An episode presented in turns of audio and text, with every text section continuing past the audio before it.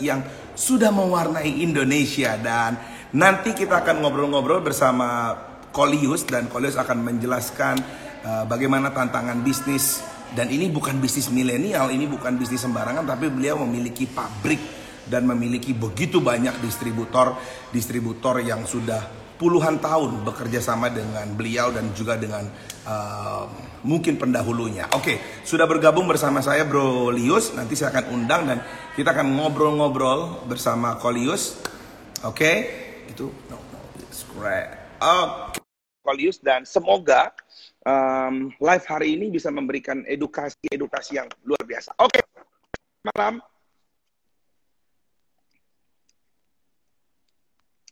Halo kok. Yes. Sorry, sorry. Kayaknya sinyalnya Udah. memang kurang baik ya. Hari ini kayaknya sinyal memang lagi kurang bagus nih. Oke. Oke, Kolius, tadi pertanyaan gue yang pertama. Sudah berapa lama sih BKB Iya, iya, mewarnai iya. Indonesia? Bisa dijelaskan nggak sih soal your company?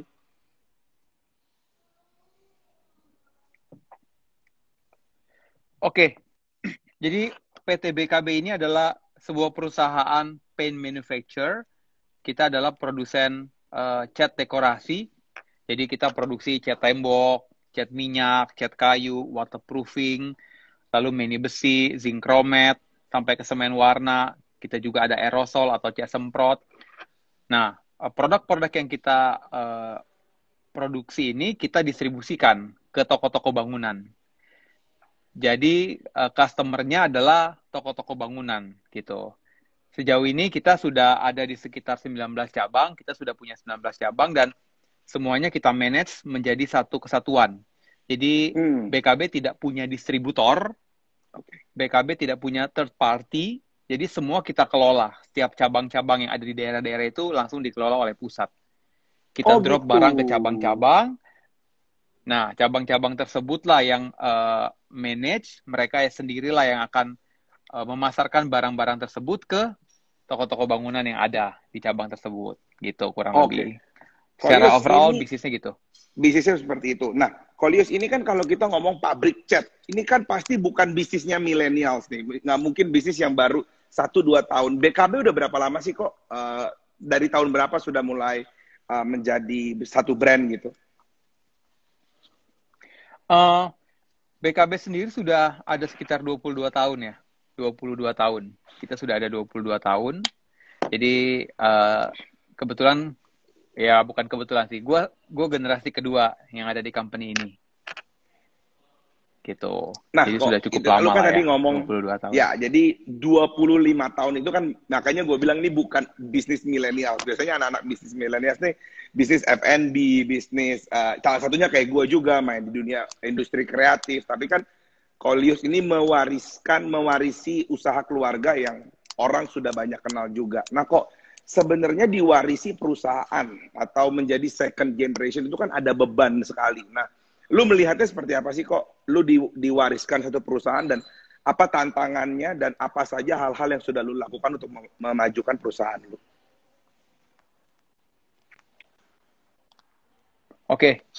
Eh, seperti gue bilang tadi bahwa perusahaan ini adalah dari dari al- almarhum papa ya. Saat ini papa juga udah nggak ada. Jadi gue inget banget satu satu pesan yang eh, papa bilang. Jadi perusahaan ini bukan sekedar tempat untuk lu cari uang. Perusahaan ini adalah legacy katanya. Nah sebelum papa Wow. bilang eh, sebelum papa meninggal ada ada perkataan itu yang keluar. Jadi bagaimanapun ke- kondisinya, apa pun keadaannya, lu harus berusaha sedemikian rupa untuk melaksanakan tanggung jawab ini. Karena ini bukan sekedar lu cari uang, bukan sekedar untuk pemenuhan kebutuhan hidup lu sehari-hari, tapi ini adalah sebuah legacy, sebuah usaha yang memang dirintis dari awal, punya nilai sejarah, dan itu harus terus dipertahankan. Nah, itulah yang membuat gua untuk untuk terus berusaha bagaimana caranya untuk keep, untuk jaga nih perusahaan ini bisa berjalan dengan baik. Walaupun memang nggak mudah.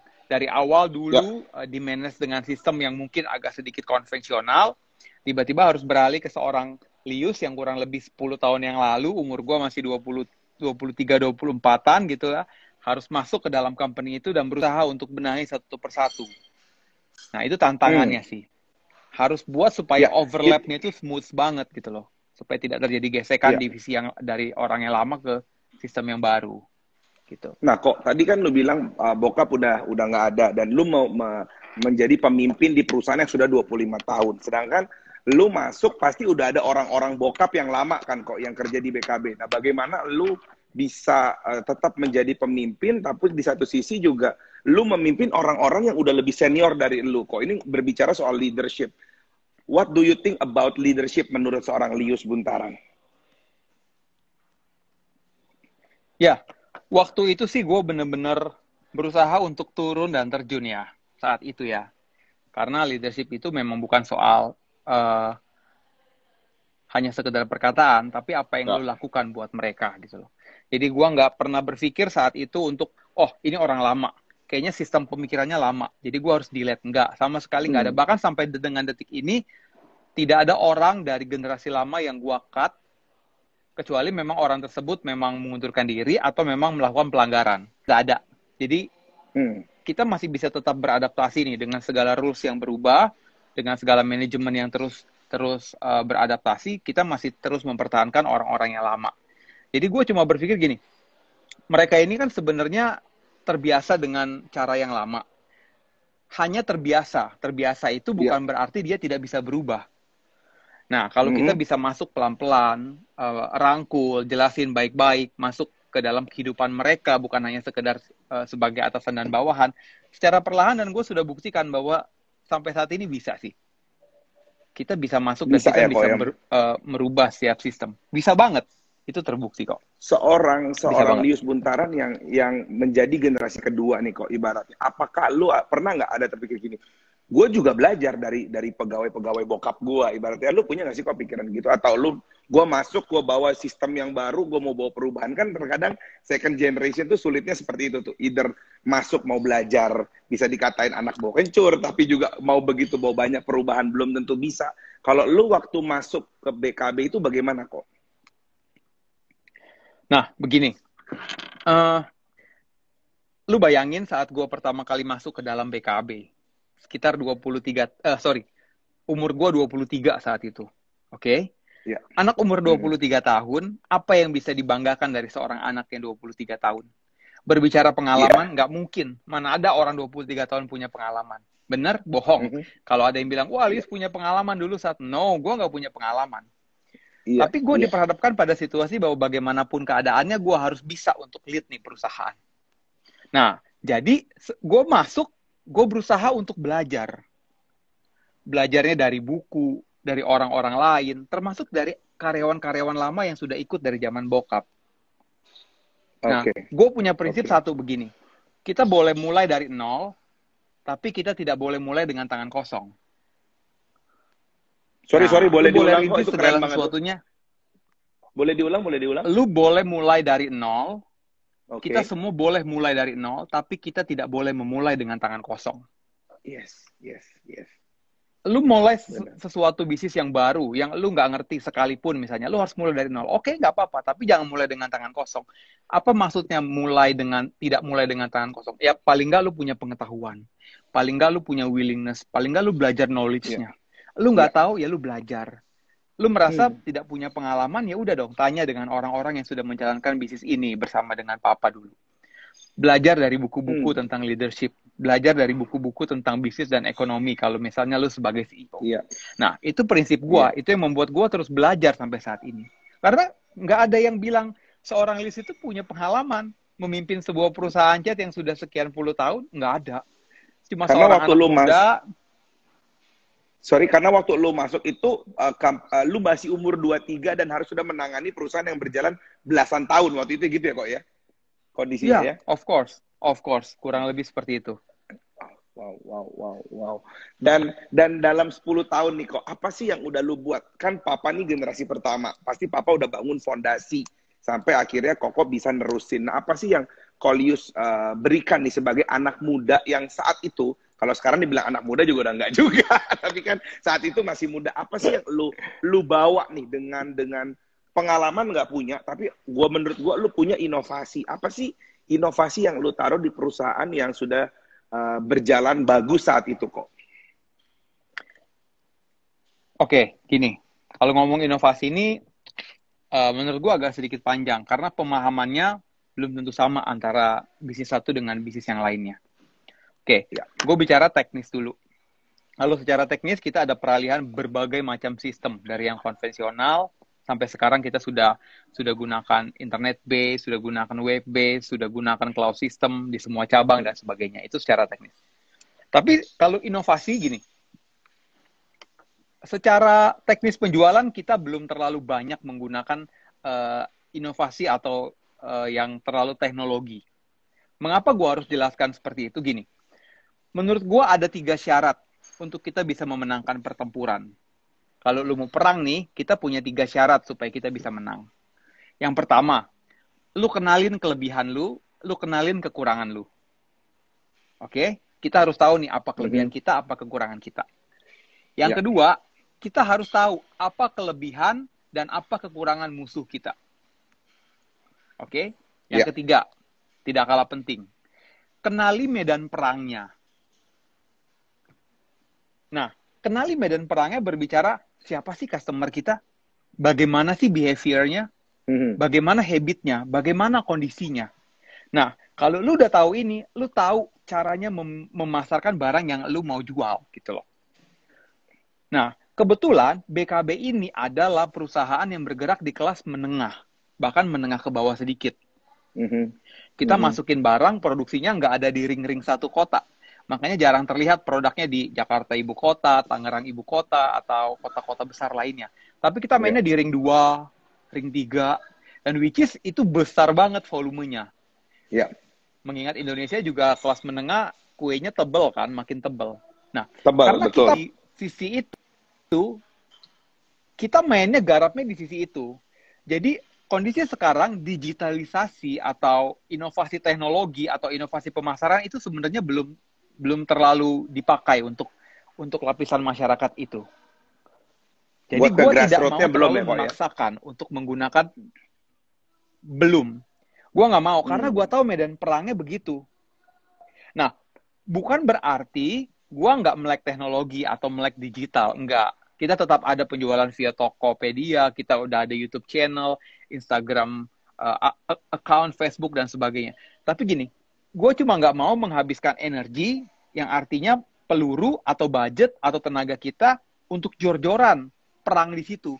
Padahal itu bukan medan perangnya gitu loh. Lu nggak mau kalau ikut ditanya ikutan secara... Uh, mendigitalkan ini hanya untuk sekedar ikut-ikutan lah ibaratnya gitu ya kok ya? Nggak mau, karena memang hmm. memang marketnya nggak membutuhkan kita untuk ke sana. Betul. Contohnya, betul. kita berbicara Ohana. Ya. Ohana Enterprise. Kita berbicara mungkin Ohana ada sebuah adalah sebuah wedding organizer atau event yeah. organizer. Ohana dipercayakan untuk uh, rent sebuah party yang isinya adalah orang-orang tua. Ulang tahun ke-60 opa mm -hmm. apa misalnya, si opa. Yeah. Lalu Ohana mengundang sebuah band untuk memeriahkan acara tersebut. Band yang diundang adalah band hip hop atau R&B. Yang si Opa itu juga nggak tahu siapa. yang ada semua teman-teman Opa dan audiensnya cuma ini band apa sih? Gua nggak iya. ngerti. Iya. Iya, Padahal iya, yang harus iya. dilakukan Ohana adalah ya lu ngundang Kus Plus.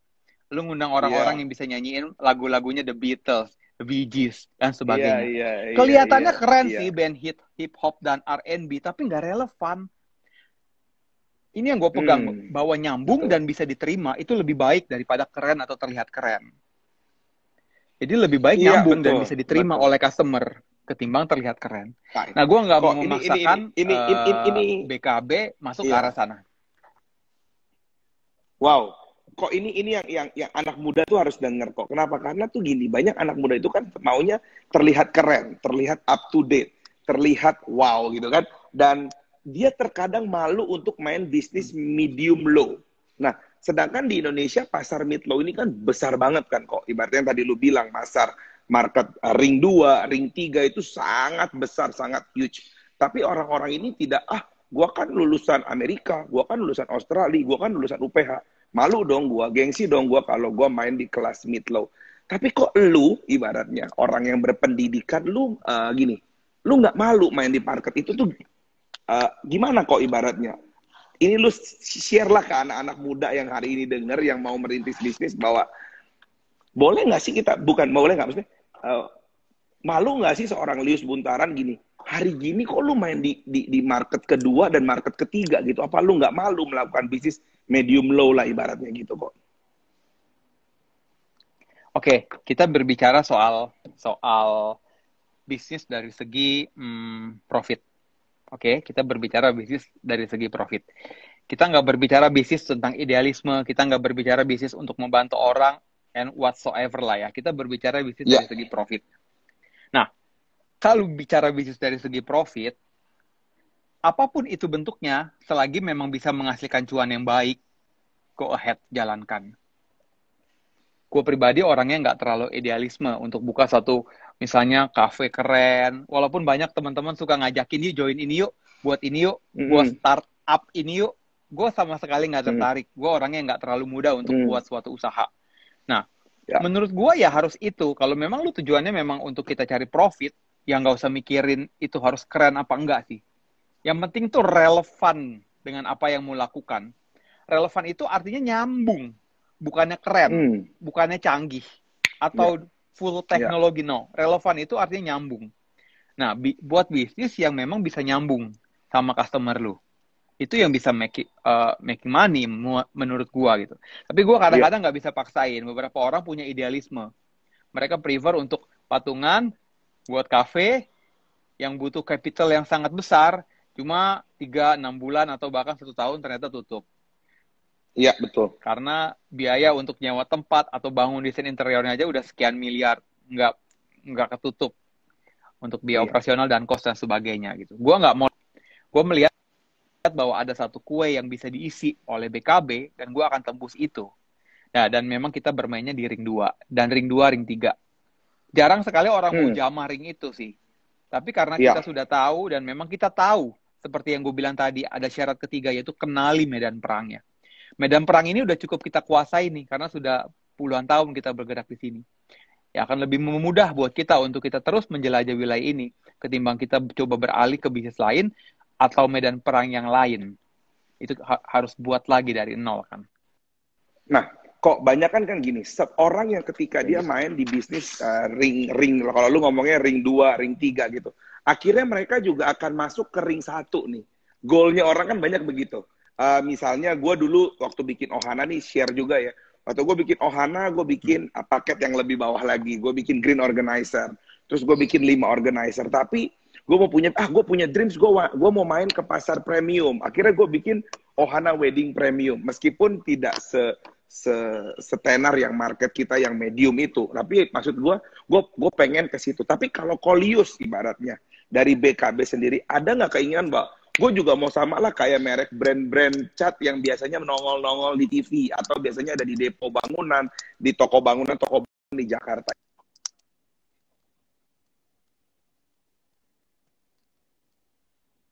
kekuatan gue dan gue akan fight di situ saja sampai gue menjadi market leader yang sangat besar gitu. Oke, kalau ditanya saat ini, gue mau mainnya di ring 2, ring 3 aja belum punya keinginan terlalu besar untuk masuk ke ring satu. Tapi bukan berarti gue tidak mau mencoba. Sekarang kita udah create nih beberapa produk yang memang eh, bisa bersaing untuk market-market ring satu di pusat ibu kota kita udah mulai create kita mulai masukin ke project ke developer developer untuk pakai chat kita gitu tapi memang secara hmm. overall uh, visi misi bisnisnya adalah kita memang mau mainnya di ring dua tiga gitu uh, nggak uh, ada masalah dengan itu dan gue gue yakin memang ini kue yang cukup besar gitu loh. Yeah. Jadi kita yeah. tidak mau atau belum mau untuk masuk ke ring satu, tapi bukan berarti kita diam saja. Kita sudah mencoba untuk kreat satu produk yang kita mulai pasarkan juga di ring ini. Gitu. Oke. Okay. Oke. Okay. Banyak bicara soal you and uh, your brand lah. Ibarat sekarang kita mau masuk ke sisi yang agak berbeda nih. Lu kan juga terkenal orang yang dekat sama anak-anak muda gitu kan. Teman-teman gua kenal sama lu cukup baik gitu kan. Nah, kalau menurut lo nih kok um, arti keluarga menurut seorang Lius Buntaran yang hari ini orang bilang orang bilang ya lu sukses, lu berhasil, uh, sukses. Karena gini sukses menjalankan bisnis orang tua adalah yang menurut gue lebih sulit dibanding kayak gue yang memulai bisnis sendiri. Itu menurut gue ya karena men, men, meneruskan bisnis orang tua itu tantangannya beda uh, belum lagi diomongin orangnya beda gitu kan. Nah maksud gue uh, apa sih arti keluarga menurut lu kok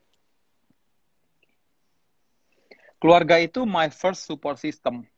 Jadi kalau kalau dulu nih gue kebetulan seorang Kristen. Gue seorang Kristen. Dulu di dulu di gereja atau kita sering diajarin prioritas pertama nomor satu Tuhan. Prioritas yeah. kedua keluarga. Prioritas ketiga pe uh, pekerjaan. Prioritas keempat pelayanan dan seterusnya gitu. Menurut gua prioritas pertama itu keluarga bukannya Tuhan jangan protes dulu nanti gue hmm. jelaskan. Prioritas hmm. pertama gue adalah keluarga. Prioritas kedua gue ya pekerjaan. Yang ketiga pelayanan baru hubungan dengan teman-teman. Di mana Tuhan? Tuhan gue letakin untuk menaungi semua prioritas gue Wow. Jadi Tuhan hmm. adalah center dari segalanya. Jadi bukan diurutin ini satu Tuhan, ini keluarga, ini pekerjaan, ini pelayanan, ini hubungan dengan teman-teman. No, gue tidak menempatkan Tuhan menjadi urutan begitu. Tuhan tidak bisa diurutkan jadi nomor satu. Dia harus menjadi pusat dari segala aktivitas gue. Pusat, dia jadi pusat dari segala aktivitas kita. Siapa yang nomor satu? Yang nomor satu adalah keluarga. Tidak boleh tidak. Itu harus jadi support system. Jadi uh, kalau gue boleh pakai istilah family atau mungkin yang lebih diwakili oleh istri gitu ya karena anak-anak gue masih kecil itu bisa dibilang sebagai shareholder yang tidak tertulis di perusahaan. Walaupun nama dia nggak iya, ada iya, di perusahaan iya, iya, tapi iya. hampir semua hampir semua hal yang terjadi gue selalu cerita. Gue selalu open sama dia. Jadi mm -hmm. dia shareholder yang yang tidak tertulis gitu loh di di akte perusahaan. Tapi keputusannya eh, inputannya cukup gue dengar dan itu jadi implementasi dalam kehidupan gue sehari-hari di termasuk di pekerjaan. Jadi seberapa penting keluarga? Ya keluarga ialah nomor satu. Gue akan lebih wow. bangga dikenal sebagai Lius yang uh, wah dia sih suami yang keren banget. Dia sih suami yang jadi teladan. Dia sih papi yang yang bisa bawa anak-anaknya takut akan Tuhan. Dia jadi orang tua yang yang sangat membanggakan anak-anaknya. Gue lebih senang dikenal sebagai Lius dikenal yang itu seperti itu. Sayang hmm. ketimbang jadi pengusaha yang sukses, ketimbang jadi uh, orang yang punya banyak uang mungkin atau punya rumah yeah. atau iya. punya properti di mana-mana. No, gue tidak tidak le, tidak memilih seperti itu. Gue lebih memilih uh, dia mah orangnya biasa aja sih ya bisnisnya. Tapi anak-anaknya semua jadi, anak-anaknya semua cinta Tuhan, hmm. keluarganya diberkati, keluarganya jadi terang. Jadi keluarga adalah nomor satu buat gue. Tuhan yang dan itu menurut lu, keluarga gue. Iya. Dan menurut lu itu definisi sukses lu itu itu ya kok ya? Ya, salah satu definisi sukses ya, menurut gue itu. Wow. Setiap orang kan punya pernah, definisi definisi yang yeah, berbeda. Definisi sukses maksudnya. Gue pernah baca Instagram lu dan itu yang gue pikir gue belajar tuh dari lu gitu ya kan. Lu bilang uh, apa weekend produktif ya kan. Kalau weekend produktif orang suka uh, apa kerja ibaratnya meeting, Saturday produktif. Tiba-tiba lu tulis di Instagram sosial media lu sun, uh, Sunday atau Saturday produktif atau Sunday produktif, lu cuma leha-leha sama anak lo menurut lo itu produktif dan itu cukup menampar hari ini kita orang yang sedang mengejar karir ya kan, mengejar bisnis untuk gini. Lu juga punya waktu buat keluarga. Nah, lu kan juga masih muda nih kok. Dan kenapa lu punya pikiran Sabtu Minggu produktif gue tuh leha-leha sama anak gue, uh, anak gue nonton YouTube, gue liatin dan lu bisa happy dengan itu. Gimana kok? Ya, ini cuma sebuah konsep pemikiran sih, karena gue agak sedikit berbeda dengan kebanyakan orang. Kalau lu lihat orang saat dia bekerja di Sabtu Minggu, dia mulai Insta Story pekerjaannya. Dan dia tulis di captionnya, weekend produktif gitu ya. Gue nggak mau bilang mereka salah, tapi konsep mm -hmm. itu mhm. jauh sekali dengan apa yang gue pikirkan. Weekend produktif adalah buat gue santai, entah di rumah, entah di restoran, bersama keluarga do nothing, nggak mikirin apa pun sebisa mungkin tentang pekerjaan yang sudah gue kerjakan dari Senin sampai Jumat, Sabtu Minggu gue fokus untuk keluarga bener-bener fokus. Bukan berarti Senin sampai Jumat gue nggak nggak ngurusin keluarga ya, tapi Sabtu Minggu gue bener-bener bener-bener punya waktu leha-leha, gue bisa nongkrong, gue do nothing, gue main gadget, anak-anak ada waktunya dia main game, ada waktunya kita hmm. lunch bareng yang nggak bisa kita lakukan setiap hari kerja. Dan menurut gue itu uh, weekend yang produktif gitu loh. Jadi kita tidak dibebankan dengan beberapa pekerjaan yang memang harus kita kerjakan. Nggak apa-apa, mungkin lu punya pekerjaan yang harus lu kerjakan sekali minggu is okay. Tapi kok kenapa yeah. konsep produktifnya itu dibilang kalau kita satu minggu kerja itu baru produktif ya? Nah itu aja sih yang gue tidak setuju.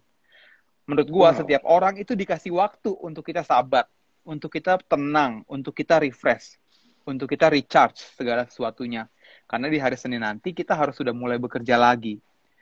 Nah, kalau orang tidak punya hmm, waktu refresh okay. atau stop atau jeda, resikonya adalah produktivitasnya pasti menurun. Tidak mungkin tidak. Hmm. Tidak ada orang yang bekerja satu kali 24 jam, kali tujuh hari, kali 30 hari dalam sebulan, tidak pernah beristirahat, lalu hasilnya di bulan kedua akan maksimal. Menurut gue itu tidak mungkin. Orang yang bisa menghasilkan sesuatu yang maksimal adalah dia bekerja Senin sampai Jumat atau Senin sampai Sabtu. Dia siapkan waktu Sabtu atau minggunya untuk istirahat bersama keluarga menikmati waktu pribadinya, menikmati waktu bersama keluarga. Senin dia mulai kerja lagi.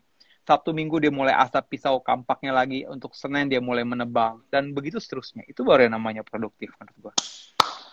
Isi, ini bobot nih. Kok pertanyaan terakhir, karena udah 30 menit. Kok pertanyaan terakhir?